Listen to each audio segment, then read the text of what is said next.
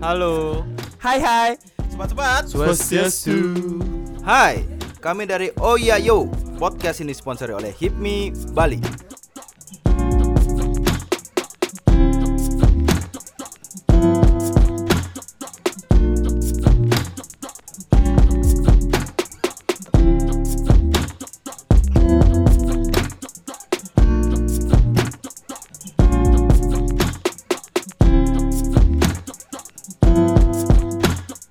Om Swastiastu. Nah, jadi kita di sini sekarang bareng Gosendra, kita jalan-jalan ke tempatnya Ya. Tukat Musi ya? di Tukat Musi itu di tempatnya Beli Dodo. Mm. Nah, pas kebetulan kita dengan konsep baru karena kan kita mau bikin kayak special edition. Ya. Karena kita sekarang eh, untuk Tech Podcast kali ini kita disponsori sama Hipmi Bali. Nah, jadi di sini kita bakal bahas tentang sebuah apa namanya perjalanan ya tentunya tuh dari eh, ketua Hipmi nya sendiri ya, ketua Hipmi dan pasarnya itu Iya. sendiri itu sama Beli Dodo gitu. Nah, mungkin Beli Dodo bisa memperkenalkan diri. Halo, halo, saya Kok merasa kaku ya? Iya. Tumben mungkin. Tumben ya. Iya, Sama kesibukan Beli Dodo. saya nggak ada kamera ya kaku jadinya. ya. Oh. Kede, kelihatan sekali Made ini. ya, Beli Dodo perkenalan diri. ya saya nama saya Dewa Wirayuda, tapi orang-orang manggil saya Dewa Dodo. Hmm. Nah, jadi saya sekarang ini menjabat sebagai ketua umum BPC HIPMI Kota Denpasar. Hmm. Nah, jadi baru setahun Desember ini setahun. Setahun saya menjabat. Oh, Desember Nah, ini. Desember ini setahun menjabat, baru dilantik April kemarin. Hmm. Dengar-dengar udah apa namanya? Rek udah apa namanya? Track record. Nah, Apa yang- kemarin dalam setahun tuh ganti-ganti apa namanya posisi tuh. Nah, Ya, ada- saya dengar tadi tuh dapat. Nah, gini, HIPMI itu tiga tahun ganti Oh, pengurusan. Ya, jadi tiga tahun ganti pengurusan, terus habis itu ketuanya juga ganti, pengurusnya juga ganti. Hmm. Ya kayak presiden lah, kayak zaman sekarang. Tapi nggak ada, nggak ada foto-foto di teras kayak kemarin. Isi mesila lagi. Ya. Kaki Jokowi kan silang. Iya, itu Jokowi challenge. Aduh. nah, jadi sekarang saya ada beberapa perusahaan, tapi bas- basicnya saya itu di ekspor impor. Ekspor impor. Ya, kita bermain di kerajinan, bermain di produk kayu. Hmm. Tapi ada juga perusahaan di kuliner juga ada, di properti juga ada. Wah, banyak Wih, sekali. banyak sekali kuliner di mana kalau boleh tahu. Kita kuliner di Beachwalk sama di Lekian ada, Bagus. tapi lebih ke dessert, Apa itu? frozen yogurt. Nah, Oh, frozen Ah, yogurt. Sorsali? Ya, salah satu sorselli ya. Oh, iya iya iya iya iya. Yang jual tiket juga. Ya, Jual tiket. Jual tiket buat? Buat fun run. Waduh. Iya, fun run. Kapan lagi lari dapat rumah kan? Iya. nyambung nyambung Nyambung. nyambung Langsung gini mengerti. mengerti. tektokan. Nah, jadi kita di sini eh, pengen mengenal Bli Dodo itu sebenarnya lebih dalam, tapi lebih ke pendekatannya itu secara mental perjalanan Bli Dodo di berusaha gitu. Wah, serem ya. Bas ibu terlalu serem ya terlalu serem ya? Nggak, nggak Jangan sih gara-gara Joker nih. kena mental illness mental Iya, illness. aduh. gila bener Nah, jadi gini, kita nggak nyebut eh, pendengar kita tuh banyak sakit mental itu tidak. Cuman kan memberikan semangat buat mereka. Barangkali soalnya kan sekarang tuh penyakit kayak quarter life crisis itu karena pendengar kita tuh banyakan eh, 70%-nya bahkan di Dodo itu adalah orang umur 25 tahun. Karena menurut kita orang umur 25 tahun dan itu ada istilahnya tuh quarter life crisis gitu. Jadi itu orang umur 25 banyak kan yang berkecamuk sama perasaan sendiri, kayak ngerasain konflik batinnya. Terus akhirnya kan banyak tuh yang kayak berpikiran kayak bingung atau apa. Nah, makanya di sini pengen minta pencerahan dari Bli Dodo biar sejuk ya. ini eh, konten kita konten apa namanya Pe- pemulihan jiwa Pemulihan jiwa. Cuma pemulihan jiwa. Jadi benar-benar pengen dapat pandangan baru dari Bli Dodo sendiri yang udah lama, 12 tahun Bli Dodo ya. Ke jiwa 12 tahun. Enak masa 12 tahun sakit jiwaan kita gini. Jadi yang 12 tahun matang secara mental bisa. Iya, bisa dibilang 12 tahun man- matang secara pendirian juga ya. dan pengalamannya sudah- Pengalaman benar-benar. Kebetulan mendahului aja. Baik, selalu bijak, selalu Iya. sejuk. Nah, jadi untuk pertanyaan pertama itu gini deh. Coba beli Dodo menceritakan tentang bagaimana cara beli Dodo memulai.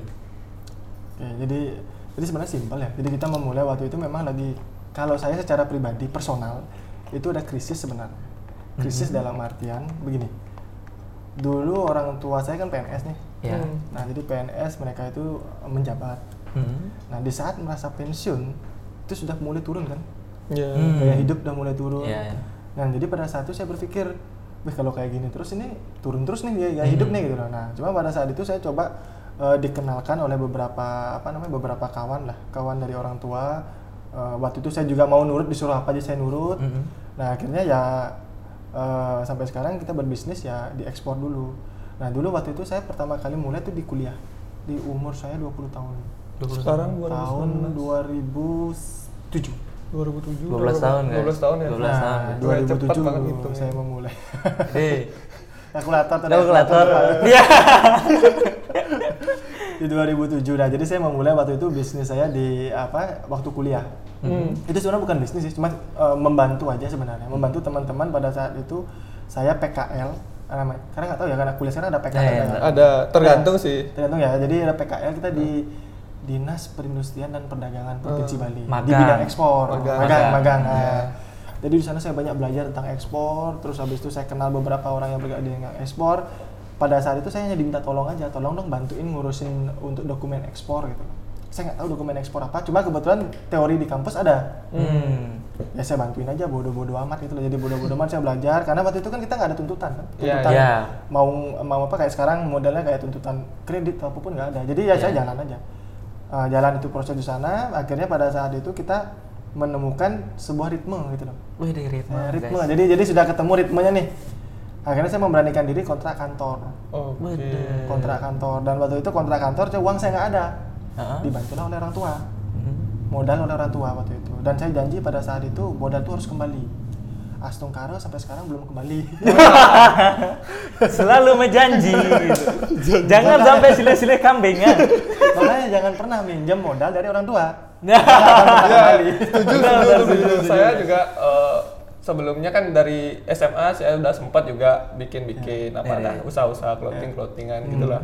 Yang saat ini bubar. Ya, aduh. Langsung karena bebar. Langsung karena Kakek bebar. bisa jalan di podcast. Ya. itu udah minjem modal sama orang tua gitu bilangnya bakal kembaliin tiap bulan ya pada kenyataan ya bawa dah bawa dah Bekal. Hmm. ya bekal bekal pakai bekal jadinya ya nggak kembali Nah. benar kata Abi tadi tadi. Eh, jadi Astung karena gagalan. Astung Karo lah nggak kembali kan Eh, jadi kalau saya sih berpikir kemarin akhirnya waktu itu kita sudah mulai besar kita sudah punya pegawai juga Hmm. Eh, waktu itu pegawai saya dua orang dan waktu itu saya tidak digaji di bulan pertama karena pada saat itu masih disuapin oleh orang tua Hmm, karena iya, kan iya. belum berjalan dengan Iya, baik iya. nih Ya. akhirnya waktu itu beruntung pada saat itu ternyata pertemanan dan networking itu sangat penting Hmm. Hmm. Nah, jadi pertemanan waktu itu orang tua saya berteman tuh banyak gitu loh. Jadi dia bilang ke coba cari ini, coba cari ini, coba cari ini dan dia nggak pernah memberikan hal-hal lain dalam artian kalau kita lihat itu dari sekarang kan disusuin sama Iya. Iya. tua. Nah, mungkin hal-hal seperti itu. Nah, kalau kita di sana waktu saya di sana eh, saya dicari orang ini kita cari. Jadi kita bodoh-bodoh amat gitu loh. Oh. Bodoh-bodoh amat dalam artian ya kita nggak tahu apa apakah itu kita Iya, dimarahin atau apa Ya, cuma diberikan akses ke sana akses saja. sana Ya. coba hubungi si Ya, ini udah. ya. jadi kita cari saya cari ke sana dan akhirnya tembus juga kita ketemu sama uh, supplier A, supplier B, akhirnya saya bantu juga untuk bantu ekspor mereka, ketemu sama kargo A, kargo B, kita ekspor juga. Nah, akhirnya berjalan berjalan terus sampai di 2012 kita tingkatkan ke badan hukum. Dulu masih UD, oh, Hmm, UD Tingkat. UD apa namanya namanya UD Nuansa Bali itu asal asal bikin itu Nuansa Bali. Tapi keren lah. yang penting nggak pakai lagunya Ghost Tejo aja nanti kayak Louis Vuitton Iya. kasihan Ghost Tejo Ya, Salah-salahan tuh ya. itu jadi UD Nuansa Bali berjalan di 2012 itu berganti nama jadi CV Nuansa Taru Bali masih ada Nuansa Bali karena kita nggak berani ngilangin oh Oh, ya. Biar tetap satu. Taru itu kan. karena kita bergerak di bidang kayu Ya, ya, jadi ya. udah Nuansa Taru Bali Ya, berjalan pada saat itu kita akhirnya semakin membesar perusahaan kita buat supplier waktu itu namanya UD Kaya Kayu Oh, Kaya Kaya Kayu. kita pemotongan kayu di Bangli di kampung saya Mm-mm. jadi kita nyari nyari kayu mungkin ini nggak konf- ini ya bisnisnya agak agak kolonial ya dibandingkan yang sekarang rumah makan itu jadi jadi mungkin Iya, bisa biar nggak juga. biar biar nggak bingung juga nih teman jadi bergerak di bidang kayu lah jadi Ya. yeah. pemotongan kayu suplai kayu ke para toko kebangunan Ya. eh, ke mana ke para kargo untuk packing macam-macam kita banyak suplai kayu akhirnya waktu itu kita berjalan dua tahun akhirnya digempur sama kayu dari Jawa dari Hmm. Banyuwangi Kalah saing ya? jadinya. kalah saing dari harga habis akhirnya kita tutup kayak kayunya Kaya kayu. kayu, kita tutup. Waktu itu kita menjalani dua perusahaan waktu itu. Nah, jadi ada CV Nuansa Peru Bali dan Kaya Kayu. Hmm. Nah, Kaya Kayu tutup, akhirnya saya kembali lagi ke basic saya ke ekspor karena orang tua saya bercerita kalau memang kamu sudah ada burung di sangkar, itu saya selalu pegang ya. Ya. Ada burung di sangkar, jangan kamu ngambil burung lagi di luar yang belum tentu kamu dapatkan Hmm. peliharalah burung di sangkarmu sampai besar. Nah, jadi pada saat itu saya berpikir ya udahlah karena sana sana saya muter dan eh, ngabisin uang aja Mm-mm. kalah saing saya tutup saya kembali lagi ke awal ke bisnis saya yang memegang ini apa Oh, ekspor. melihara sangkar yang udah dibu eh melihara burung yang udah disangkar Ya, ya. ya, ada itu di burungnya sana. sudah sudah ngasilin itu loh Ya, untuk apa ya. kita buka lagi sangkar cari burung lain yang belum tentu kita dapat Iya, Benar, benar. Nah itu itu sampai sekarang tuh saya pegang tuh omongan orang tua. Jadi selama ka- sama kayak kita bicara, s- pondasi kita harus kuat, dasar kita harus kuat, baru kita mulai melangkah. Hmm. iya. Nah itu jadi itu yang saya tanamkan terus sama orang tua dari orang tua saya sampai sekarang eh, berjalan itu kita jalan terus eh, nuansa Toba sampai sekarang juga berjalan. Mm-mm. Pada saat 2015 saya mulai main eh 2000 2014 saya mulai main namanya pengusaha ya udah ada duit-duit dikit properti. Be- Duit-duit dikit properti. Nah, jadi pada saat itu kita kena. Saya kena, saya main properti. Hmm. Jadi sama kawan-kawan di REI juga, teman-teman di REI kita kolaborasi lah. Kita b- ya, bikin properti perumahan di daerah Nusa Dua dengan luas satu hektar. Hmm. Nah pada saat itu sama juga, saya kira akan berhasil, cuma nggak properti kan Jangan turun. turun. turun ya. sampai sekarang. Sampai sekarang pun itu juga bermasalah dalam artian bermasalah karena situasi perekonomian memang lagi Ya, turun Iya, lagi turun, untuk gitu. bisnis properti. Iya, benar. Akhirnya kembali lagi ucapan orang tua, sudah ada burung di sangkar, Ya, ngapain lagi nah, ngapain iya. lagi, ngapain lagi dari sini gitu loh. Mungkin Ah. pengen pelihara lovebird ya. Jadi ada musibah. itu jadi kembali lagi ke sini eh, ke ekspor ya kita besarkan ekspor, besarkan ekspor. Nah jadi sudah besarkan ekspor kita eh, 2016 saya melihat peluang lagi ada Iya. kuliner. Hmm. Nah, jadi teman-teman main kuliner semua, kok saya enak lihat teman-teman kuliner dapat duitnya cash ya, sedangkan di ekspor temp payment 10% persen, gitu, Iya, iya, iya. yang kayak Terminnya banyak ya. kan? terminnya banyak. Nah, akhirnya saya beralih ke kuliner. Kuliner berjalan sampai sekarang, cuma situasi sekarang kan kita nggak tahu ya, memang perekonomian kan lagi perlambatan. Kalau kita bilang perlambatan ekonomi ini agak, agak berat nih ngomong Wih, ya, ngomong nggak makro apa-apa. nih. Yang dengerin pasti ngerti. Iya, pasti ngerti. Kita paksa ngerti gitu. Saya harap ngerti semua.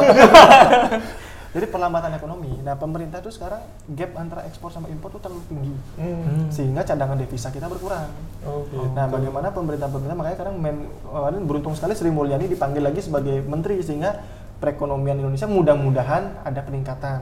Hmm. Nah, Ya, ya, ya. jadi eh, sekarang pe- kalau Kel bilang kadang ya perusahaan perusahaan yang kita pegang sekarang ini ada tiga ada tiga yang kita pegang yang memang eh, bergerak di bidang eh, ekspor kuliner Hmm. sama properti Oh, ya, ya. gitu sampai sekarang saat ini Fokus di tiga itu ya. tiga itu aja terus saya juga aktif di beberapa organisasi saya ada di HIPMI Denpasar juga Hmm. Mm-mm. saya juga sekretaris di ASEPI Asosiasi Eksportir dan Produsen Handicraft Hmm. saya juga presiden chap- eh, lokal presiden di ICSB International Council Small Business Kota Denpasar Wih, serem, serem, serem, serem, serem. ya loh Sedangkan kita anggota berbahagia ya.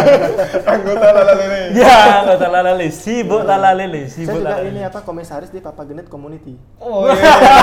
Papa- Papa gede itu apa tuh? Iya, Pengen deh ikutan. Pengen ikutin. Jadi anggota enggak masalah. ya? harus sudah nikah dulu Made, made. Made Made nanti. nggak pengen jadi anggota gini deh. Aduh, kacau banget. Nah, terus nih lanjut. Nah, itu kan dari pengalaman Dwi Dodo ya udah banyak sekali seram semua ya. Cuma terus. Ah, tapi masih bisa nerima lah. Ya, Hmm, benar, benar. Semudah-mudahan use-use-nya bisa Ya, masuk yuk, saya sini lah, masuk. gitu. ayam ayam dulu ayam ayam Ayam, dulu. ayam, ayam. Ayam. Setuju, setuju. Nah, berarti tadi untuk berapa lama berproses itu 12 tahun. ya Kemudian bidang usahanya kan udah tadi Ya, kuliner, kuliner, Habis itu- eh, properti sama ekspor. ekspor gitu. udah tiga tuh. keren sekali Keren sebenarnya sekali. nah terus untuk ini menurut kita guys ya sebenarnya Gus, ya Ya, kita udah sempat juga ngobrol berdua kan. nah itu terus saya soal ada aja Sekarang ada tak aja. Saya koalisi dulu, koalisi gitu. Kalau udah pas koalisinya baru baru masuk. udah Nah, nih gitu. tadi pencocokannya lama soalnya sebelum ke sini tuh matangnya dari jam 12 Ya, Gus, ya dari jam nah ini eh, beli dodo menurut kita kan sebagai seorang entrepreneur itu adalah s- penyendiri gitu. Oke. Nah, terus gini, kita minta pandangan Beli Dodo soal kata-kata saya tadi sebagai apa entrepreneur itu penyendiri dan itu dari pandangan Beli Dodo yang udah jalan selama 12 tahun itu. Gimana kira-kira? Eh, gini, jadi entrepreneur itu sebenarnya eh, penyendiri atau tidak tergantung situasi ya. Jadi waktu saya memulai itu saya lebih baik sendiri.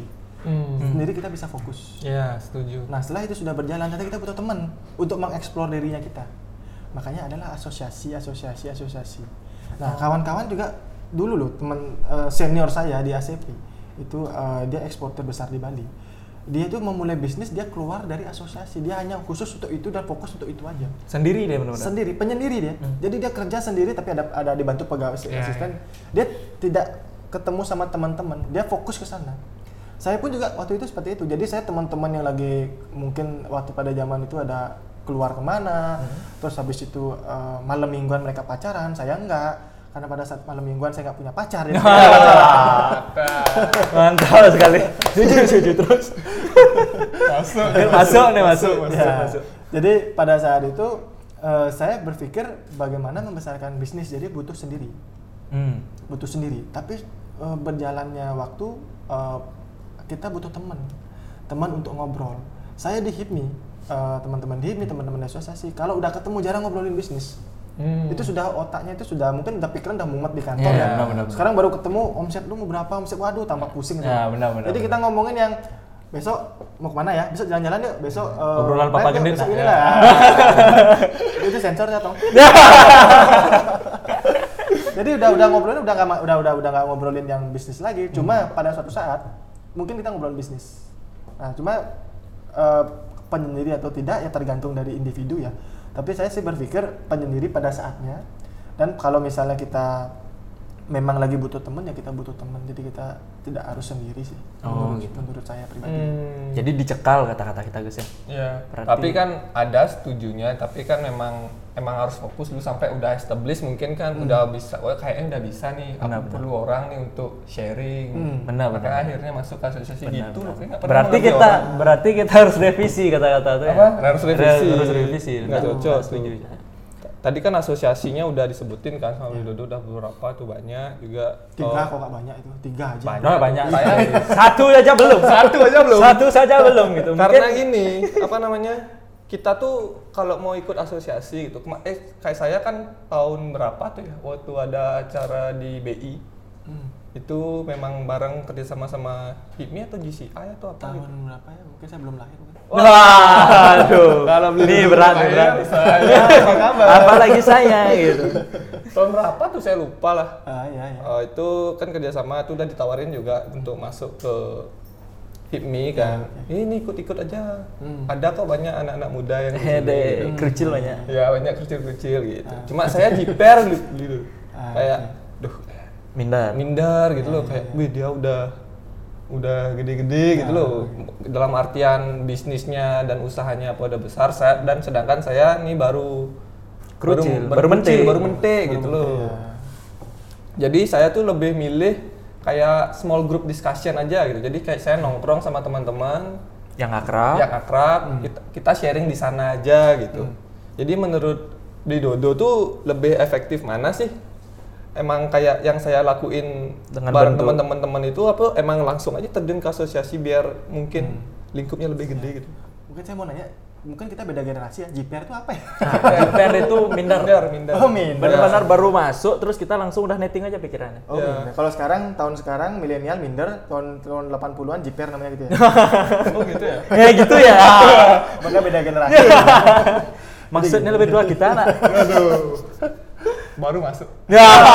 baru in ya, kalau saya sih berpikir gini, kan saya memulai sebenarnya masuk HIMI itu dari small diskusi ya, dari dari teman-teman yang kita kenal. Jadi pada saat itu teman yang saya ajak di HIMI kebetulan senior saya juga namanya Beli Putu Lengkong. oh tahu saya Nah, itu ketua Bekraf. ya tahu betul kita dulu satu satu ini satu as- satu kumpul-kumpul jadi kok ada UKM arisan UKM Kota Denpasar itu arisan jadi di- memang sengaja dibuat arisan biar tiap bulan tuh ketemu oh Em, nggak mau nominal seratus ribu kalau nggak dapat juga nggak masalah ya karena ketemu terus loh iya Ya, iya ya, iya. ya. akhirnya pada suatu saat eh, ditawarin mau masuk HIPMI nggak apa sih HIPMI itu gitu saya pikir kan wah HIPMI orangnya top top semua nih Ya. jadi eh, main golf Ya. mobilnya mobil yang berkelas Ya, bener-bener. perusahaannya top top semua Nah, jadi saya merasakan, pertama kali bener. saya merasakan pada saat itu di tahun saya masuk itu lima tahun lima tahun lalu saya masuk di HIPMI sorry mungkin tujuh tahun ya lupa saya juga jadi eh, saya merasakan bahwa di sana itu ada ada gap itu loh ya setuju ada gap bahwa dia terlalu oh dia yang punya ini ya saya apa sih cuma ini aja Nah, setuju nih. cuma apa rambut-rambut kusut di closet Ya, bisa aja. butiran jas Jauh jauh Udah, udah, udah. yang jatuh ke tanah Ya. kalau seduh Yang gagal keseduh ya. oh dalam ya nah jadi pada saat itu kita mera- saya merasa seperti itu jadi apa ya saya merasa bahwa memang minder sih minder ya minder minder sekali Nah, jadi eh, lambat-lambat jalan akhirnya saya mulai kenal semua yang teman-teman di HIPMI juga welcome gitu loh jadi bukan bukan sok-sok dalam artian baru dia eh, senior dia sok gitu enggak malah dia melak- welcome eh ajak- eh sini sini sini gabung gabung jadi ya kita seneng aja kan kita Nah, iya. orang kecil terus mereka juga orang besar besar top top semua Ngerangkul. diundang dirangkul seperti itu kita kan seneng oh jadi saya merasa bahwa oh hip ini bukan orang gaya-gayaan ya bukan orang yang gaya tapi di sini kita dibina leadership Oh iya. Leader. nah Leadership. leadership di HIPMI itu kita diajarkan bagaimana leadership di mana pemimpin tuh saat kapan dia harus mendorong saat kapan dia harus di depan saat kapan dia harus di tengah di belakang di tengah dan di depan Positioning ya. positioning. Nah, jadi jadi di HIPMI. Jadi kalau saya sih eh, punya anggapan kita paling tidak harus masuk di dua organisasi. Oh gitu. Satu organisasi leadership membentuk pengembangan dirinya kita Hmm. sebagai leader. Satu tuh asosiasi yang bergerak di bidang pengembangan usahanya kita. Hmm. Makanya saya ada di ACP. Oh iya iya. Oh, iya, jadi iya, ada iya. dua. Jadi untuk membangun usaha saya di ACP, untuk leadership saya di HIPMI untuk mencari networking. Iya iya iya. Jadi menurut saya small discussion HIPMI juga ber- dulu terbentuk dari small discussion dari para pendiri-pendiri ya. dari Iya. small discussion dari kumpul-kumpul kayak gini kita kayak sekarang ngobrol-ngobrol kayak gini. Nah, berarti positif kita. Ya, Ya, berarti ngomong-ngomong. kumpul-kumpul kita yang kemarin-kemarin tuh yang sampai jam 12 tuh nggak masalah ya. Enggak masalah. Nggak masalah yang di spa atau yang di- Ya. Nggak, Lu udah antar kita, kita kemana? ngobrolin tentang ini loh pengembangan diri ya. Pengembangan diri kita yang di spa ya. Enggak benar kok. Nggak benar, udah nggak Enggak benar, nggak benar. Oh Berarti- iya kan gue punya pacar, hati-hati nih. Berarti esensinya di organisasi dan asosiasi itu lebih ke networking dan mungkin ya teman ngobrol di sela-sela bisnis kita yang sibuk itu mungkin ya gimana Iya, tuh gimana Bli? Kalau saya kan, berikan karena di HIPMI itu lebih ke pelarian ya. Oh pelarian. Pelarian dalam artian untuk mumet dalam artian di bisnis saya bertemu sama teman-teman di HIPMI dan ngomongnya acuh-acuh dan ngalur ngidul. Dulu kalau kita punya teman kan geng SMA tuh, geng SMA, geng kuliah. Nah, geng SMA, geng kuliah semua sibuk kerja. Kita butuh teman, kita butuh orang atau teman yang memang bisa waktunya sepadan dengan kita. Iya iya. Nah, Benar benar benar. Nah, jadi kita kadang ngajak kumpul siang nih, teman-teman lagi kerja, aduh nggak bisa siang kerja. Nah, kita teman-teman di MI kita aja Hmm. kumpul siang entah ngopi kayak entah em, apa kayak ketemu bareng ngobrol-ngobrol kangen kau lah bahasa ini. Iya, iya, Nggak apa-apa ngomong bahasa Bali ya? Nggak apa-apa. Ada teks di bawahnya. Ngerti. Ya, ngerti. ngerti. Semua dipaksa ngerti, dipaksa Pasti ngerti. Ya. kalau mereka dengerin ini otomatis ke translate loh. Ah, auto auto. Auto translate. itu. Gitu. Jadi eh, apa namanya? Ya itu kalau menurut saya sih di HIPMI itu pelarian ya. Hmm. Pelarian dalam arti untuk mencari yang hal positif lah bagi kita. Itu sih menurut saya. Nah, setuju setuju. Nah, ini eh, berarti kalau kita rangkumin itu pentingnya asosiasi untuk pengembangan diri, berarti untuk melatih leadership itu tadi ya. Betul, itu sih. yang Bridodo ikutin gitu kan yang dari HIPMI itu yang dipelajari adalah untuk pelajaran soal apa namanya untuk belajar leadership tapi kalau misalnya di ACP ilmu yang didapatkan itu lebih ke Itu pengembangan usaha. pengembangan usaha ya Makanya Nah, disarankan untuk mengikuti dua, dua asosiasi dua asosiasi. asosiasi. kalau saya sih berpikir dua ya tapi Ya. teman-teman ada yang lebih juga nggak masalah sih Ya, itu. karena mereka memang mungkin waktu luangnya lebih banyak ya ya benar benar Nah, kalau saya masih makuli lah ya setuju setuju bijak sekali selalu sejuk selalu sejuk keren banget nah untuk di sesi satu ini kayaknya kita gini ya udah capek Udah, Gus ya udah, udah capek banget. mulutnya udah berbusa Udah berbusa. udah berbusa udah capek Jadi- Waktunya juga udah kelamaan. Ah, udah mungkin kita akhiri, Oh, kita eh, akhiri dengan para Mas Santi. Om Om Santi Santi Santi Om.